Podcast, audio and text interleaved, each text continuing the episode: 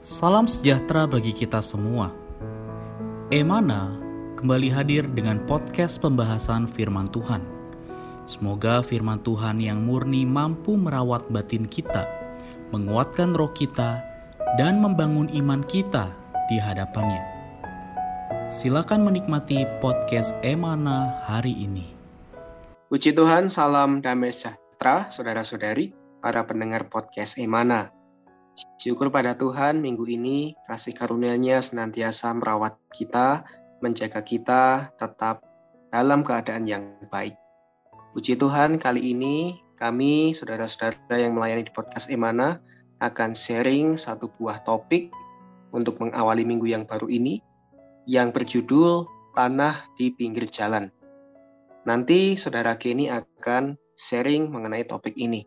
Lebih dulu, mari kita sapa saudara kita. Puji Tuhan, saudara Kenny. Puji Tuhan, saudara Ade, salam Ya. damai sejahtera buat saudara-saudari para pendengar podcast. Senang bisa Amin. kembali sharing bersama-sama menikmati firman Tuhan. Semoga firman hari ini membawa kita memiliki hati yang tepat untuk menerima Tuhan sebagai benih kerajaan yang bisa tumbuh berbuah di dalam kehidupan kita. Amin. Amin. Seperti yang tadi saya sampaikan, judul kita kali ini adalah Tanah di Pinggir Jalan. Judul ini kami ambil dari salah satu ayat Alkitab di dalam kitab Matius, pasal 13 ayat 4. Pada waktu ia menabur, sebagian benih itu jatuh di pinggir jalan. Lalu datanglah burung dan memakannya sampai habis. Saudara-saudari, kalau kita melihat kitab Matius atau kitab Injil, di sana Tuhan berbicara mengenai perumpamaan. Ia berbicara mengenai hati manusia diumpamakan seperti tanah. Dan kali ini kita akan membahas mengenai tanah di pinggir jalan. Nanti saudara kini akan membagikan pewahyuan lebih lanjut mengenai apa sih yang dimaksud mengenai tanah di pinggir jalan ini dan apa kaitannya dengan kehidupan kita sebagai orang Kristen hari ini. Amin. Amin, puji Tuhan. Saudari kita hari ini masuk ke dalam Matius pasal yang ke-13. Tentu kita perlu kembali mereview bahwa Injil Matius adalah Injil kerajaan di mana Injil ini memperlihatkan kepada kita bahwa Kristus Yesus adalah raja penyelamat kita. Amin. Karena itu kita melihat di dalam pasal 1 ada silsilah tentang sang raja ini. Kemudian dari pasal 5 sampai pasal 7 kita melihat mengenai hakiki dan konstitusi kerajaan. Nah, ketika Tuhan berbicara, mengajarkan mengenai kerajaan, pertama-tama Tuhan menggunakan satu perumpamaan, yaitu mengenai empat jenis tanah. Kita tahu bahwa tanah ini mengacu kepada hati manusia. Ini menunjukkan bahwa hati manusia adalah tempat di mana Injil kerajaan atau benih kerajaan ditaburkan. Nah, mari kita lihat hari ini yang kita bahas adalah tanah jenis pertama yang dikatakan oleh kitab Matius adalah tanah yang di pinggir jalan. Apa sih tanah di pinggir jalan?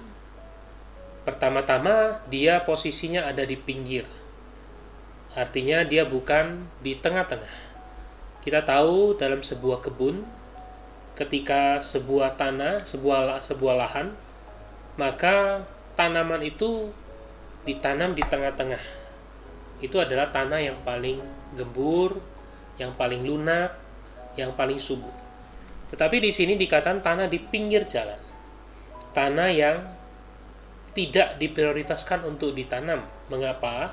Karena tanah ini adalah banyak dilewati oleh orang sehingga tanah ini sifatnya adalah tidak lunak, keras. Karena makin diinjak, makin diinjak, makin keras.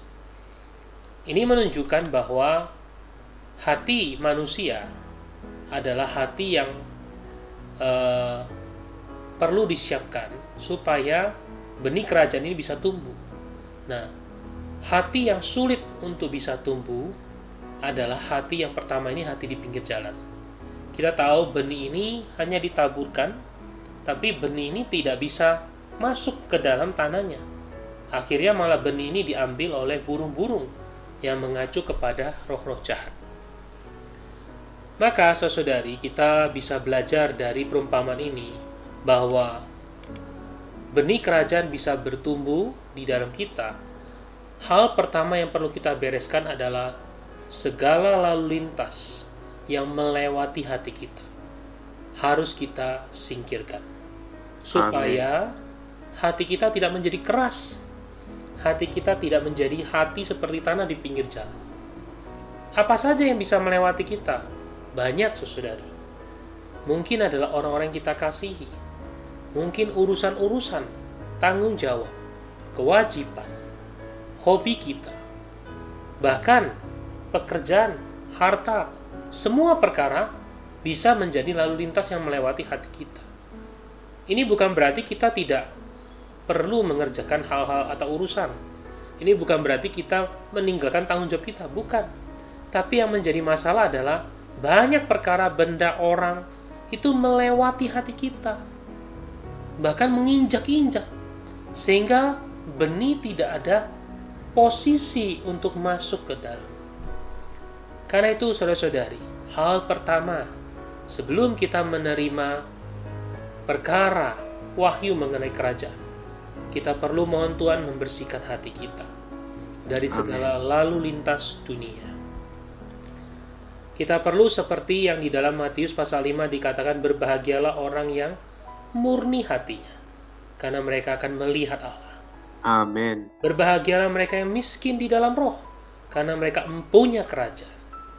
Maka saudari dari jenis tanah yang pertama ini kiranya Tuhan menyingkirkan segala lalu lintas dunia.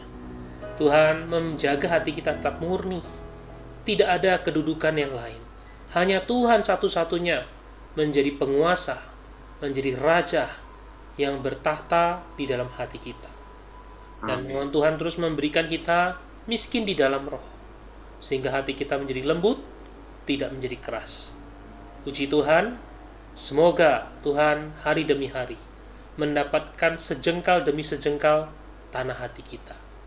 Mulia bagi Amin. Tuhan. Amin. Amin. Puji Tuhan, saudari, seperti yang disampaikan melalui kitab Matius, kita melihat bahwa tanah yang dimaksud adalah melambangkan hati manusia. Dan hati manusia adalah tempat di mana Tuhan menaburkan Injil kerajaannya ke dalam hati kita. Namun, penaburan ini, benih ini haruslah bertumbuh.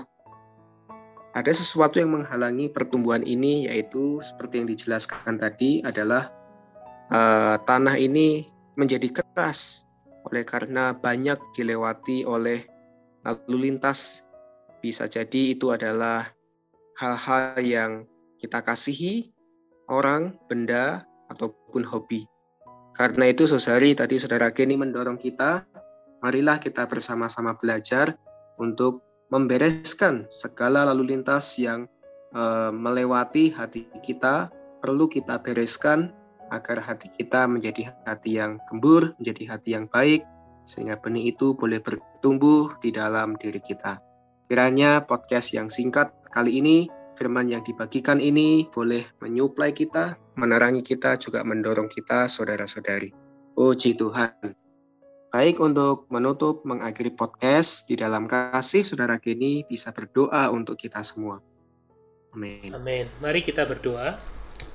Tuhan, Engkaulah empunya hati kami. Engkaulah Raja, Amin. Engkaulah Tuhan, Engkaulah pemilik kami satu-satunya. Amin. Tuhan, kami sekali lagi membuka hati kami. Kami mohon Tuhan, Engkau menduduki, menguasai seluruh hati kami. Bersihkan Tuhan kami dari segala lalu lintas dunia, dari segala perkara yang mengeraskan hati kami. Kami mau memberikan sejengkal demi sejengkal hati kami, supaya Tuhan benih kerajaan tidak hanya bisa ditaburkan, bahkan yeah. bisa masuk, berakar, bertumbuh, bertunas, bahkan sampai berbuah. Kami berdoa, kiranya Engkau jaga juga seluruh saudara-saudari para pendengar podcast. Kiranya Tuhan, Engkau mendapatkan tanah yang baik. Amin. Mulia bagi Tuhan, kami berdoa di dalam nama Tuhan Yesus. Amin. Amin. Sekian pembahasan firman porsi hari ini. Sampai jumpa di podcast berikutnya. Jangan lupa untuk download aplikasi Emana pada handphone Anda untuk manfaat yang lebih banyak. Tuhan Yesus memberkati.